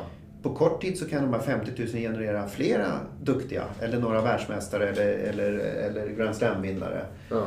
På kort tid, men över tid så kan jag garantera att 50 000 mot 100 000 kommer ge utslag Mm. som håller på. Mm. Mm. Och där landar jag i. Och då är vi tillbaka i hela diskussionen idag. Hur många miljöer har vi? Hur många ser också? Det tror jag också är en viktig sak. Jag växte upp med bordtennislandslaget. Det fanns ju världsmästare i varenda gatuhörn under Mm. en period. Samtidigt som tennisen hade, ägde Grand Slam-titlarna Ja. allihopa. Liksom. Ja. Och man tittade runt omkring sig, man skapade miljöer. Man, och du har gjort det och man hjälpte varandra. Och det upplevde jag. Vi hade lite kontakt med de tennislirarna som var där under den perioden. Och pingisen var ju fantastisk. Jag tror Ja. vi pratade om det i förra Ja, podden. gjorde Det var Ja, precis. fantastiskt att titta på varandra, lära och sådär. Då Mm. skapas ju en, en miljö uppe på, helt uppe på världsnivå skapades en miljö som var bra. Mm. Och idag pratar vi om att försöka hålla kvar liv i så många miljöer ute i landet som möjligt. Just det. Återigen, pingisen är kanske den jag känner bäst, men när jag växte upp så fanns det ju liksom ett antal miljöer i landet. Idag är det ett fåtal Ja. miljöer i landet där det verkligen är, här bedrivs det top, top notch kvalitet. Mm. Och det här säger någonting om svensk idrott. Så Ja, för det är så i alla idrotter Det är ett generellt, fundamentalt ja. problem. Sen finns det säkert undantag, eh, om man säger så, eh, med, med, i vissa idrotter. Men jag tycker man kan se det även i, i fotbollen, att man färre och färre svenska spelare hamnar i topp 5-ligorna. Mm. Man tittar lite grann överallt. Så, här. Så det är en generell trend, tror jag. Mm. Sen kanske vissa idrotter, nu är pingisen lite grann på väg tillbaka. Det gläder mig oerhört. Ja. Man vet inte hur det ser ut med tennisen, om det också kan komma en, en generation till. Men jag tror att det är ett globalt problem och sen är det ett specifikt problem. Vad gör vi själva med de, de vi har? Hur behåller vi dem? Just Men det globala är vilka möjligheter ger, svensk, ger Sverige för idrott? Eh, eh, Svensk idrott har ju i, alla år varit uppe kring liksom förening, före- föreningar, föreningsmodellen. Kom, om vi börjar med dig Johan, tror du att det kommer se ut så framöver eller kommer det bli mer och mer privata aktörer som tar över det? på tunnare och tunnare is med killgissningar. Ja, men det blir lite så. Det blir, Ja, men jag, lever ju det här, vi lever ju det här Ja. på något sätt allihopa. Men, men jag, jag tror att svensk, grundmodellen i svensk idrott är under angrepp. Ja. Alltså om man säger så. Jag tror att den ideella ledaren, jag pratar dagligen med tränare, med, jag jobbar mycket med ledarskapsutbildningar, föreläsningar och alla möjliga stöd på olika sätt och vis. Och jag pratar dagligen med ledare idag som i olika idrotter är oroliga för det här. För att det är svårare att hitta ideella ledare. Och Ja. eh, kvaliteten på de här ideella ledarna Mm. kanske måste höjas också för det händer så mycket saker. Det finns mycket vetenskap, det finns mycket kunskap och det i, när, när det är barnidrott då gör det ingenting om det står en förälder där i de flesta idrotterna. Liksom. Det, det är bara för att skapa motivation och glädje och, och liksom, Mm. rörelseglädje. Men någonstans så kommer kvaliteten in och om man i vissa länder då får in högkvalitativa tränare som vet hur en åttaåring ska träna, som vet hur en tioåring ska träna utifrån ett vetenskapligt perspektiv. Tacka tusan för att det får effekt någonstans i slutändan på kvaliteten och hur många som fortsätter. De, de påverkar sannolikheten. mm, mm, Och det finns någonting där. Och, och, och om vi lever i den här ideella idrottsrörelsen som jag tycker om och själv vä- växte upp med. Det här med föreningen som navet i byn eller navet där man är och man tar sina vänner och, och, och har en betydelse i samhället. Den tror jag är, ja den, den är, utsatt för någonting idag. Så jag Mm. tror att eh, vi tvingas att göra en förändring och förhoppningsvis kan man behålla en del av det men också börja eh, få in mer, mer medel och högre kvalitet både på anläggning men också på verksamheter och skapa de här miljöerna. Då. Ja, så det kan vara positivt också eller? Eller Ja, men- ser du det som negativt? Ja, jag befarar att det blir något så här USA. Vad är det man säger där? 99% tittar på idrott och kä- käkar chips och dricker bärs och 1% håller på. Alltså, och i Sverige har det ju varit tvärtom. Där har det varit 1% som har kollat och så 99% som har utövat. Ja, alltså, ja. Den utvecklingen är ju inte bra för, för Sverige med tanke på sjukvård och sådana saker. Men, men det här, man ser ju inte riktigt att politikerna förstår det här. Nej, okej. Och jag, ja, precis. Och det spelar ingen roll vilken färg det är på partiet känns det som. Utan Ja. det, är, det är bara, jag tycker att det är totalt undervärderat. Okej. Mm. Ja. Just det. Vad tänker du, vad, vad tänker du. Fredrik där? eh, Med eh, Vad tänker jag? Jag, tror att... Nej, jag tror också vi är på väg mot någon typ av privatisering. Åtminstone om jag talar för tennisen. Ja. Men jag ser ju samma utveckling, eh, åtminstone inom ishockeyn, som jag har ganska god insyn i. Eh, Med flera idrotter, Med flera Ja, idrotter ja, så, är så ingen går det ju mot det här att det är specialläger och det är... Ja, Ja, det, det blir mer och mer professionellt tidigt som jag har varit inne på under dagen. Å andra sidan så man skulle kunna vända på det lite grann och, och se om man ser lite perspektiv då. Om vi, vi, tar, om vi tar ishockeyn då. Jag bor i söder om stan. Och så tar vi Huddinge Hockey. Mm. Tittar man tillbaks 20 år eh, så var det vid något år, tror jag, som eh, samtliga spelare på isen då, i, då hette det ju elitserien på den tiden, Mm. var fostrade i Huddinge Hockey. Och det var typ AIK och Djurgården som möttes. Huddinge Hockey har alltid legat en division under. Ja. För varje gång de har i princip vunnit så har ju de liksom alla spelarna lämnat till Djurgården och AIK. Mm. Men på den tiden om man, om man då frågade Huddinge Hockey, bedriver ni någon akademi? Eller, nej, nej. Det är Huddinge Hockey. Mm. Så, så det kanske fanns egentligen då privata akademier. Fast de, de, de styrdes lite grann i, inte i mörkret, men liksom det var outtalat så. Jag är övertygad om att ni spelade, tränade rätt mycket pingis på, på din tid. Ja, vi hade ju nyckel till hallen och Det är det jag menar. Ja, det är det jag menar. Och, och det var ju ingen akademi. Nej, nej. Så att kanske med liksom perspektiv så här att det kanske fanns massa akademier. Ta Team Klein exempelvis. Ja. Med Gusten och våra Ja. vänner. Det var väl en akademi om någonting. Men det, men det hette inte det då. Nej, och sen idag så försöker vi liksom nu ska vi göra en akademi här och så en akademi där och så vidare. Mm. Och då är frågan, är, det egentligen någon skillnad mot förr? Det kanske inte är det. Och då är ju frågan tillbaks då liksom, varför lyckas vi varför lyckas vi inte längre? Vad är det som, Mm. som kommer? Och tittar man på, på TV igår, eh, och nu, nu är jag inne på riktigt tunn is här Ja, nu. kör på. Kör på. Då möter Östersund möter Djurgården. Ja. Otroligt intressant hade det varit att titta på liksom Djurgårdens setup. Med allt det vi har pratat om idag. Ja. Föräldrar, ekonomi, Ja. eh, tränare. Och så titta på Östersund. Ja. Östersund vinner 2-1. Ja. Vad är det som gör att de vinner och inte Djurgården? På, på pappret så borde ju Djurgården ha vunnit enligt mig. Om vi Ja. tittar på all den kunskap som de har fått med sig. Ändå vinner Östersund. Ja. Och då är vi inne kanske på någonting då som, som jag tänker så här att när får vi nästa Grand Slam-vinnare? Ja, när vi verkligen får personer som på riktigt vill bli professionella idrottare. På riktigt. Mm. Där den här miljön stöttar. Men de är den här outliern som ändå dag efter dag utsätter sig för det här lite extrema. Fortfarande med god kunskap och bra stöd. Men någonstans ändå har det här enorma fokuset och drivkraften som, som jag tror att vi är överens om ändå behövs. Typen Sara Sjöström, eh, Klyft, you name it. Överallt finns de. Just det. Men hur kan man maxa chansen att, få, att, att en spelare har den drivkraften eller den motivationen? Äh, då tror jag... Eller är då- det tur och otur bara? Nej, det tror jag inte. Utan då tror jag det är precis det som Johan var inne på. Att till slut så är det en samhällsfråga. Att vilka signaler kommer högst, högst uppifrån och som, som sipprar ner. Ja. Och där är det ju tydligt så att idrotten får mindre och mindre plats i, i det svenska samhället. Ja. Och man premierar andra saker. Och jag, jag säger inte att det är fel, men vi är ju idrottsnördar som sitter där. Så klart, vi slåss ju för våran sak. Ja. Och vi har ju så goda minnen och erfarenheter och sett vad mycket bra idrotten kan göra. Mm. Så det är klart, då måste ju vi slåss för det. Men, men det är klart, om du, om du frågar en, en vanlig då människa. Mm. Så ska du satsa 4 miljoner på en universitetsutbildning eller ska satsa 4 miljoner på någonting som du ingen aning om vad det kommer ge. Kanske skador och utbrändhet. Ja, ja. Alltså, det är ingen svår fråga. Nej. Men, men Så är någonstans det. så är det ju då, när du ställer den frågan Ja. till, som Christian Bergström har berättat för mig och Gusten säger samma sak. De såg aldrig att de offrade någonting. Det Nej. fanns inget sacrifice. Mm. Utan det var bara liksom, vi håller på med det här, vi älskar det här. Mm. Vi satt nere hos Håkan Dahl någon gång i Österrike och då hade han tagit dit utförsåkare, unga utförsåkare som körde eh, störtlopp. Mm. 14, 15, 16 år. Och, och vår första fråga, en av de första ur publiken var så här, men ni är inte rädda? Nej, det, det hade aldrig, den tanken hade aldrig slagit dem. Mm. De bara körde. Mm. Och det, och det är lite det här jag menar, Östersund-Djurgården, det är 2-1. Just det. De har all hjälp de kan få i Djurgården. Det kanske de har i Östersund också, det är med med tunn Ja. is. Jag vet Ja. inte riktigt. Men, men det är ändå intressant att underdogs kan slå bättre. Och då kan också underdogs faktiskt gå hela vägen. Så, så Mm. då kanske man får revidera svaret. Kan vem som helst bli professionell tennisspelare? Ja, kanske. Om du verkligen, verkligen, verkligen vill. På Ja. riktigt. Ja. Med rätt stöd. Ja.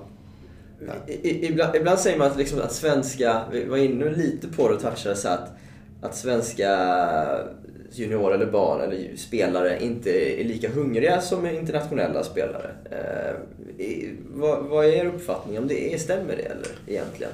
Jag vet att jag vet, det fanns studier på det här för länge sedan innan muren föll på 80-talet. Ja. Eh, Med man tittar på öststats eh, motivationen för, hos elitidrottare i öststaterna då. Ja. Det var ju Bulgarien och Ryssland och eh, Sovjetunionen hette det då och så vidare. Och så Västeuropa. Ja. Och då fanns det olika drivkrafter för då var det ett sätt att få familjen att få privilegier och få resa utomlands och sådana saker men också få ett bra liv. Mm. Och där fanns det mer då yttre externa faktorer som drev de elitidrottarna. Det här gjordes precis efter muren föll så det är rätt intressant faktiskt då. Så då var det så? Retrospektivt Ja. i och för sig men det, det, det är sånt. Så där fanns det lite. Men då är det sådana extrema förhållanden. Idag så ser det ju likadant ut och det är intressant. är- Jag var nere och besökte där när jag jobbade på fotbollförbundet fortfarande 2010 kanske. Och då åkte vi ner till Turkiet och då tänker man så här, men Turkiet det är ju liksom, de spelar på gatorna och det kommer spelare och så här. Men de hade exakt samma problem som Sverige hade då med att rekrytera nya och få folk att fortsätta så. och sådär. Ja. Så jag tror lite av att, jag tror inte att Sverige skiljer sig från resten av Västeuropa. Utan det är ett problem för hela, för hela västvärlden då. Att färre håller på, färre vill satsa. Okej. Det blir mer och mer profession- professionaliserat tidigare och tidigare. Så Mm. basen av de som vill satsa blir tunnare och tunnare. Ja. Generellt sett nu i de flesta idrotter. I, i, de, i, I de flesta eh, västeuropeiska länderna, eller om man, eh, om man säger västländerna då. då. Okej. Så det är de här 99 procenten som sitter och, och käkar popcorn. Och, och, det blir mer och mer av det. Och så Ja. några som underhåller då eh, på TV eller så, för det Ja. är tillgängligt. Så att, så att ja, det är väl ungefär svar. Jag tror inte att Sverige lider mer av det. Men däremot, igen, ja, det är ett problem. För idag har vi våra devices och det finns fler saker att göra och det är lättare att dras in och lockas av andra saker. Så det är färre som håller på. Mm. Mm. Okej. Men det, då, då, återigen, jag är tillbaka till det, det vi... Nu är jag så insnöad på det, höll jag säga. Man måste ha andra perspektiv. Nej, men, men det är tillbaka till att skapa de här relationerna, skapa miljöerna där det är jäkligt kul att hålla på. Ja. Ja. Och då blir det några av de här nördarna Ja. Som kommer att fastna. Och i, i spårvägen när vi var, då var det någon Appelgren och någon Wallner och, och så ett, en handfull landslagsidrottare till. Och så var det landslaget där uppe som höll på. Mm. Och i tennisen och det var handboll och bara de här nördarna. De, då, då kommer vi få flera sådana. Just Men basen undergrävs hela tiden. Det är färre som rör på sig. Mm. Eh, Om jag går tillbaka lite till vad vi började samtalet när vi pratade lite om eh, talanger och, och den biten. Eh, en, eh, vad ska man säga, någonting som sägs i tennisen ibland upplever jag är att eh, vi inte får in rätt talanger in i sporten. Att de väljer andra idrotter som fotboll eller ishockey och så vidare. Att vi får någon form av B-sortering av juniorer in i tennisen. Eh, Vad tänker du kring det Johan? Oj, svår fråga. Alltså det är ju... Det är ju om man tittar på de här, eller framförallt fotbollen skulle jag vilja säga. Det är väl några idrotter som växer idag i Sverige. I Sverige. Cheerleading har kommit in och växer och så. Men de flesta andra idrotterna tappar ju. Även fotbollen tappar ju. Men, men den är ju så stor och den är så lättillgänglig. Mm. Men att det skulle ge ett skevt urval, det är nästan en forskare som får svara på den. Jag vet inte om det skulle bli ett skevt urval ur det. Men den är ju lättare att komma i kontakt med. För fotbollen finns ju fortfarande i varenda stad. Men Ja. tittar man på mindre idrotter tennis och andra Ja. som är, eller är medelstora eller små idrotter, de har ju försvunnit från vissa städer och byar ute i, i, eh, i Sverige. Mm. Och då är det ju svårt att komma i kontakt med den. Finns det ingen tennishall så kommer inte jag börja spela Nej, tennis om jag exakt. bor där. Det är sju mil till närmaste tennisbana eller klubb. Ja. Alltså. Men ger det ett skevt urval? Det, det vet tusan. Nej, jag tror inte det kan göra det eh, egentligen. Men jag håller ju med om att ibland så hör man ju det här Linus att Ja, du har också hört det ändå? Ja, eh, som ja, en- talangerna väljer fotboll eller handboll Ja. eller hockey. Men jag vet inte om det är en vald sanning eller liksom man... Men jag tror, jag tror så här i alla fall. Om man, om man tänker sig att den här gyllene generationen då, eh, om man får kalla det i svensk tennis, när, när vi prenumererade på titlar. Den generationen har ju nu fått sina barn. Ja. Och nu kanske de barnen till och med i vissa fall är, är vuxna. Mm. Och det, det, alltså det här med att andra generationen håller på med samma idrott, det är ändå någonting som är väldigt vanligt. För det är liksom en presentation in i idrotten då. Mm. Och det gäller ju tennisen, hockey, det gäller ju allting egentligen. Tittar man i ishockeyn då så ser man att det ganska ofta finns en för detta elitserieförälder eller NHL-spelare sånt där. Det är jättevanligt. Mm. Det tror jag kanske också till viss del kan försämras då i, i svensk tennis över tid. Om vi inte liksom får nya framgångar. Och, och dagens föräldrar då inte lyckas och så får de barn. Då kanske det blir så ah, men tennisen var svår. Så då, och då kanske man väljer någonting annat. Mm. Så det är det ena jag skulle kunna tänka mig att urvalsmässigt då. Det andra är givetvis att tennisen är ju... Eh, eh, det är ju, det är ju en tröskel in i tennisen som är ganska hög. Mm. Tar man padden som har vuxit fort då så är det ju för att det är en låg tröskel. Mm. Men tennisen är ju, och där tror jag kanske att om man skulle liksom bolla med den här tanken lite grann. Att vi säger att du ska starta med tennis då. Du kanske ska starta med fyra dagar i veckan. Därför att startar du med en dag i veckan, efter två år så har du inte lyckats få bollen över nät. Men startar du med fyra dagar i veckan så kanske efter två år så känner du jag kan spela lite match. Och då tycker jag plötsligt att tennisen är rolig. Så att problemet är ju om tröskeln är hög och tillgången är begränsad. Mm. Ja, då är outcome dåligt.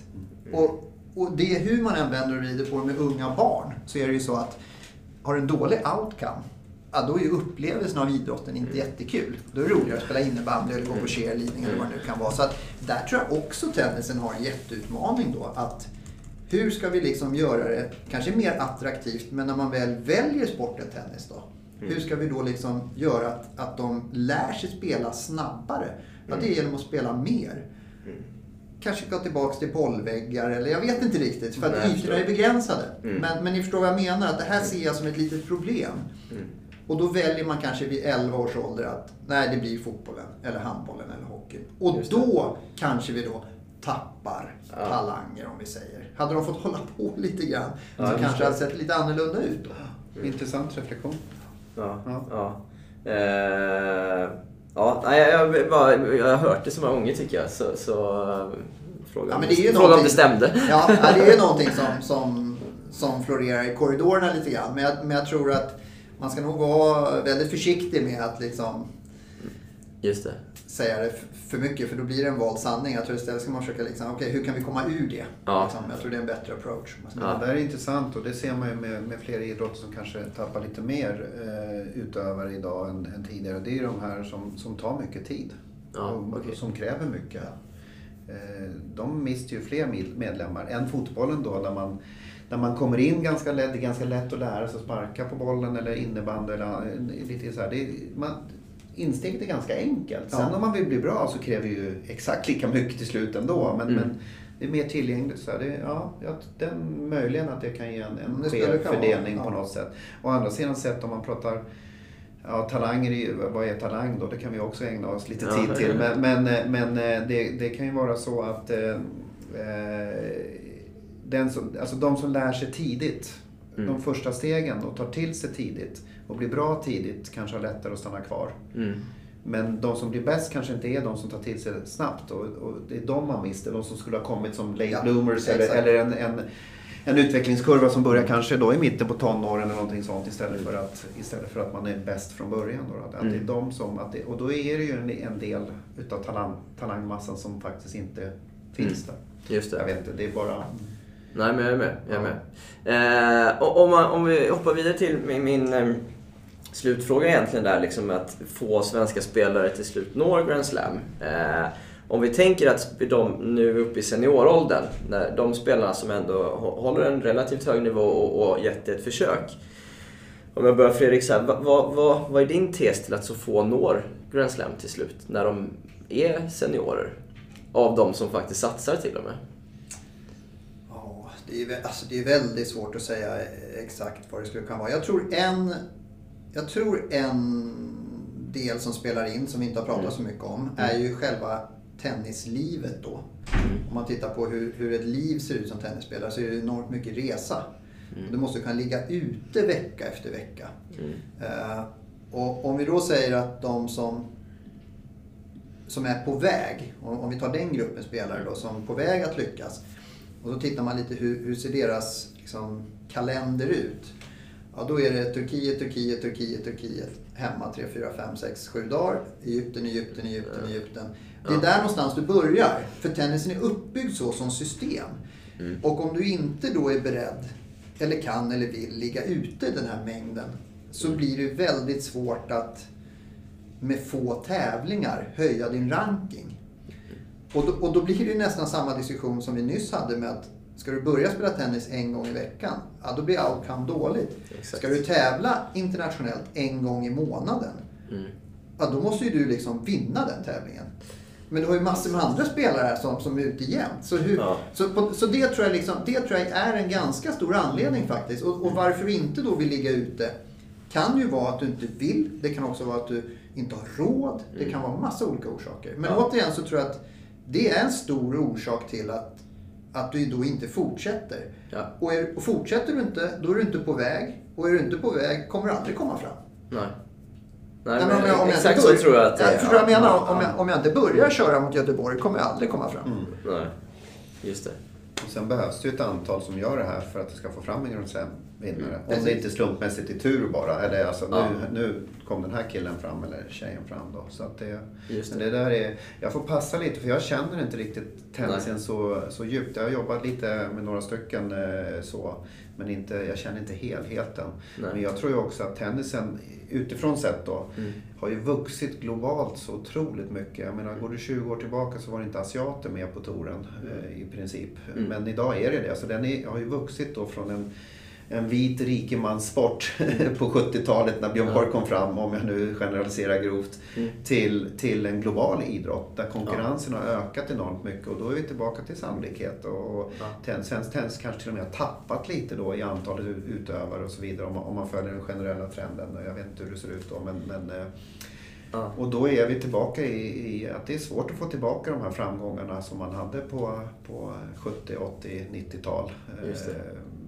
Ja, så, så är det. så det finns sådana faktorer också tror jag. Och sen då att få några som verkligen vill satsa tillräckligt mycket under tillräckligt lång tid Mm. i en kostnadseffektiv idrott. Intensiv idrott. Eh, kostnadsintensiv idrott. Ja. Alltså där har du nog något paket då. Och sen Ja. så lite oro i det här för, från, eh, som jag upplever i svensk idrott. att det blir svårare och svårare. Det blir trängre och trängre i de här Ja. bra miljöerna. Det, Mm. det, det, och det blir privata initiativ och vi kanske är någon brytpunkt här när privata initiativen då aktörerna kommer in och tar ett större större eh, Mm. marknadsandel och kanske kan få upp idrotten igen med fler miljöer. Mm. Men just nu tror jag att vi har haft en trend neråt generellt sett i många idrotter att det blir färre miljöer. Mm. Mm. Som också tror jag då har haft en viss eh, inverkan på flera idrotter. Mm, mm, jag är med. Eh, in, innan vi avrundar, bara en rent allmän fråga. Hur, hur, eh, Fredrik, du kommer ju från, med, framförallt från den fys, fysiska bakgrunden och, och du från den psykologiska. Hur, hur hänger eh, fysik och, och psykologi ihop? Hur, hur samverkar det? Rent... Ja, om jag skulle börja då, Ja. om jag bara skulle ta något så lite konkret exempel. Ja. Så förvånas ju vi ofta av om vi befinner oss antingen i gymmet säger vi då. Ja. Eller om vi är på en löparbana eller vad vi nu är. Ja. Eh, och så säger att vi begär eh, 70 kilo av en person i en Ja. viss övning. Och personen eh, hanterar det här på gräns... Alltså, man, det här är helt... Det, det, var, det här var nu. Det finns inte ett gram kvar. Nej. Och sen så går det någon minut eh, eller två. Ja. Eh, och, och det är klart att det sker någon typ av återhämtning fysiologiskt men det är inte det som är svaret på frågan. Utan sen så är det 72,5 och helt plötsligt så, så går det också. Ja. Eller om du sitter på en cykel och så ska du ha så många varv per minut som möjligt. Och så gör du 140. Och det, var det max? Ja, det är max. Det går ingenting mer. Ja, men ska vi prova 141? Ja. Och så går det. Då går det 141. Ja. Det här för mig är ju då liksom mental träning i gymmet på något sätt. Att du Ja. flyttar dina gränser. Och, och där måste jag säga att jag blir förvånad. Inte dagligen, men Mm. ofta. Förvånad och imponerad över dessa ungdomar då, som jag träffar i tennisen. Hur de lyckas flytta sina gränser. Även om det är små steg. Så att Ja, är vi är ofta kritiska och tycker att de ska ta i mer och mer och så vidare. Men jag tror ibland också att vi måste utmana dem. Och utmaningen är inte, tror jag då, fy- fysiologisk, fysisk. Nej. Utan den är mental. Mm. Och då tror jag att vi som fystränare eller fysios eller vad vi nu gör, coacher, vi kan utmana dem mentalt. Mm. I, liksom på banan, i gymmet och så vidare. Och väldigt många gånger så, så svarar de. Och, och det är ju sjukt intressant. Ja, det är det Så därför blir det intressant att höra Johans förklaringsmodell på det här känner jag. Ja, just det, hur just går det. till? Förklaringsmodellen, Hur ja. är det möjligt? Var går gränsen? Nej, men jag tycker det, jag tycker det, är, bra, jag tycker det är ett bra exempel med eh, just det här att eh, för det, psykologin är ju svår att mäta och eh, jag vet, ja, idag har vi inte bra mätmetoder egentligen. Det blir väl bättre och bättre med kognitiv psykologi och så vidare. Men, men eh, jag vet inte om det ens det är målet. Utan jag tycker man har de här hardcore naturvetenskapliga ämnena där man kan mäta och man kan liksom kvantifiera och liksom så på något sätt. Men psykologin tycker jag är för du, du kan ha två lika starka idrottare men den ena får ut mer av det här i, i den pressade situationen än vad den andra får. Så att den, den orkar lite mer, lite längre eller Mm. vad det nu är för någonting. Eller våga satsa med den här tekniken då, den här svåra slaget eller någonting när det är en avgörande poäng. Och där kom psykologin in. Jag, jag, jag brukar säga så att psykologin är, är liksom som kittet som håller ihop alla de här andra egenskaperna som man måste använda sig utav Mm. hela tiden. För att kunna få ut den vid rätt tillfälle och Ja. öka ett gram eller en, en, en sekund eller slå Mm. lite hårdare eller vad det nu är för någonting. Så psykologin är ju det är också lite mytisk på grund av att vi inte kan mäta det och inte Just kan det. liksom kvantifiera det. Men jag tror inte på dunderhonung och så vidare. Jag tror på hårt arbete där också. Precis Ja. inom fysiologin, tekniken, taktiken, Ja. förståelse. Eh, och att man lär sig då att, att eh, det viktigaste för mig då i psykologin är att alla de här egenskaperna, det, det fysiologiska som vi har med oss, Mm. Det måste jag förstå. Mm. Och det, hur förstår jag det? Ja, men det är genom att lära känna mig själv, hur jag reagerar. Hur känns det när mjölksyran kommer och så vidare. Hur reagerar jag då? Vilka beteenden har jag då? Och där har du liksom för mig Ja. mötespunkten. Just Så psykologin är inte viktigare än någonting annat eller så. För att du kan träna eller du kan, alltså du kan ha samma egenskaper och så, men det är det som håller ihop det på något sätt. Det är kittet. Mm. Jag vet inte, Det är väldigt, det är lika flummigt som vetenskapen. Så, nej, men det, inom psykologin. Nej, men förstår ni vad jag Ja, jag menar? förstår, ja. Och där, är, där möts de här. äh, Ingenting är viktigare än någonting annat. För det är uppenbart, har inte fysiologin, speciellt i tennis som håller på så många timmar och det är matcher varje dag och det sliter så pass mycket, man måste träna så mycket. Har inte fysiologin där, då spelar det roll hur, hur starkt fysi- eller psykologiskt du är. Nej, Men tvärtom är det ju också. just det. Så det hänger ihop där och då gäller det att det här möts så att det blir en helhet av det på något sätt. Exakt. Och Snyggt. det, och det är nog dit då, om jag ska fylla på. Det är Ja. nog dit jag tror vi måste föra spelarna ofta. Mm. Inte varje dag, men ofta. Om de ska kunna bli nästa Grand Slam-vinnare. Just det. För att om du, inte, om du inte utmanar dem på spetsen, Mm. då är det svårt med spetsprestation i slutändan. Mm. Så det kanske är kopplingen här som, som jag tycker Johan eminent förklarade. Den, Ja. får vi, den får vi ta med oss tycker jag. Den ska vi ta med oss. Uh, jag bara kom på nu när, när du har varit verksam inom fotbollen på, på slutet Johan till exempel. De spelarna som når längst där, vad upplever du de har för eh, liksom, egenskaper som du tror har varit avgörande för dem? Går det att säga något generellt så, i, så från en annan idrott? Liksom, Jag tycker sådär? det är, det är olika i en lagidrott än mot en individuell idrott. Även fast fotbollen blir mer och mer individuell också. Men det finns ju de inom fotbollen som är den här lagarbetaren som står rätt alltid och gör andra duktiga. Mm. Och, och bara flyter med strömmen så att säga. Eller ja, bara. Men alltså de, de har ju sin in- individuella del också. Men förstår man kan bli bra genom laget eller att göra laget bra. Mm. Det är en sak. Men sen har du de här andra och, och de här geniala spelarna, eller de som syns mest, eh, som, eh, som också vet när de ska bryta mönster och gå sina egna vägar. De blir fler och fler. Mm. Så jag tror det är knepigare idag att sätta ihop ett lag. Förut var det liksom 11 stycken och de 11, det är laget före jaget och allt det här. Så. Men idag så får man nästan vända lite grann på det här och måste se individen först och sen sätta ihop laget. Ja, okej. Så att. Ja, det finns inga generella lösningar Nej. egentligen. Jag går tillbaka till det här då som jag sa alldeles nyss. Här då, i så fall, det är ju, ja, men du måste lära känna dig själv, kunna Mm. se saker i olika perspektiv, vara flexibel. Alltså, man pratar om kognitiv flexibilitet i- idag väldigt mycket och det är ju ett nytt ord på gamla saker egentligen. Då, att man, man, man kan uppfatta saker snabbt, a- eh, adaptera, hänga med, förstå sig själv, förstå vad som är bäst för mig och om- omgivningen, vad nästa steg är. Där ligger mycket av psykologin. Och i, i slutändan. Jag vet inte vad svaret blir egentligen. Jag tycker att... nej men fotbollen...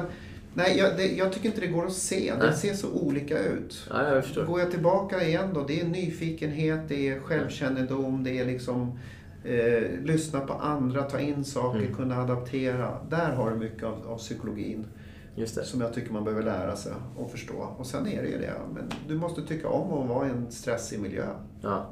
I ja. slutändan och kunna hantera den. Du måste kunna gå in i en, en match då, en fotbollsmatch eller tennismatch Mm. och, och vara skitnervös och, och känna så här ändå, nej men det här är rätt kul ändå faktiskt. Gillar det. Ja, Ja. gilla läget Just det. på något sätt. Snyggt. Jag tänkte vi ska avrunda där. Tack så mycket för att ni tog er tid att vara med. Tack själv Linus för att vi fick vara med. Stort tack! Två eh, väldigt populära eh, produkter som, som ni har i ert sortiment Petter, det är ju iCoachen och Topspin Pro. Eh, berätta lite vad skillnaderna är mellan de två verktygen. Mm, en bra fråga och den, den får vi ganska ofta. Eh, båda sitter ju liksom på en, på en typ av svängarm som, ser lite liknande ut. Men det är två helt skilda produkter Linus. Eh, om vi börjar med Topspin Pro så är det en produkt som är framtagen för att jobba med topspin. Lära sig utveckla svingrörelsen för att generera spin. Eh, och på ett väldigt pedago- pedagogiskt sätt. Du får en omedelbar feedback eh, om, om, du gör rätt. om du gör rätt börjar bollen snurra. Ja, just det. Ja, men lära sig den rörelsen. Ja, precis. Sen såklart måste du titta på bollen även på topspin. Ja. Eh, För att om jag går in då på iCoach, och det är en produkt som är framtagen enbart egentligen för att titta på bollen vid träff. Eh, Den sitter på en svängarm och den här rör sig, till skillnad från Topspin Pro där bollen är mer stilla. Precis. Så, så rör sig iCoach. Man jobba med tajmingen också. på Jobba ett med tajmingen och den går ut på att träna hjärnan eh, och ögat att titta på bollen vid slag. Då vi Mm. vet att det är den största skillnaden mellan de allra bästa spelarna och de som kommer där under. Det Ja, det, är precis. rena bollträffar. Ja, så två olika syften med de här Två eh, olika verktygen. syften, jajamän. Just det. Och använder ni rabattkoden LINUS så har ni 15% hos House of Bontin på hela sortimentet förutom slingerbag och redan nedsatta priser. Linus för 15%. Stort tack till Fredrik Johansson och Johan Falby för att de båda tog sig tid att vara med i det här avsnittet. Och visst är det kul, jag har sagt det förr och jag säger det igen, det är så kul med influenser eh, som inte är bara rätt inifrån tennisen utan med andra perspektiv.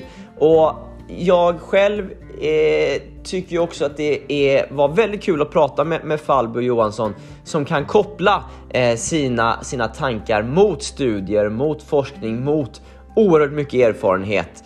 Eh, det behöver vi mer av inom svensk tennis, tror jag. Tack för idag.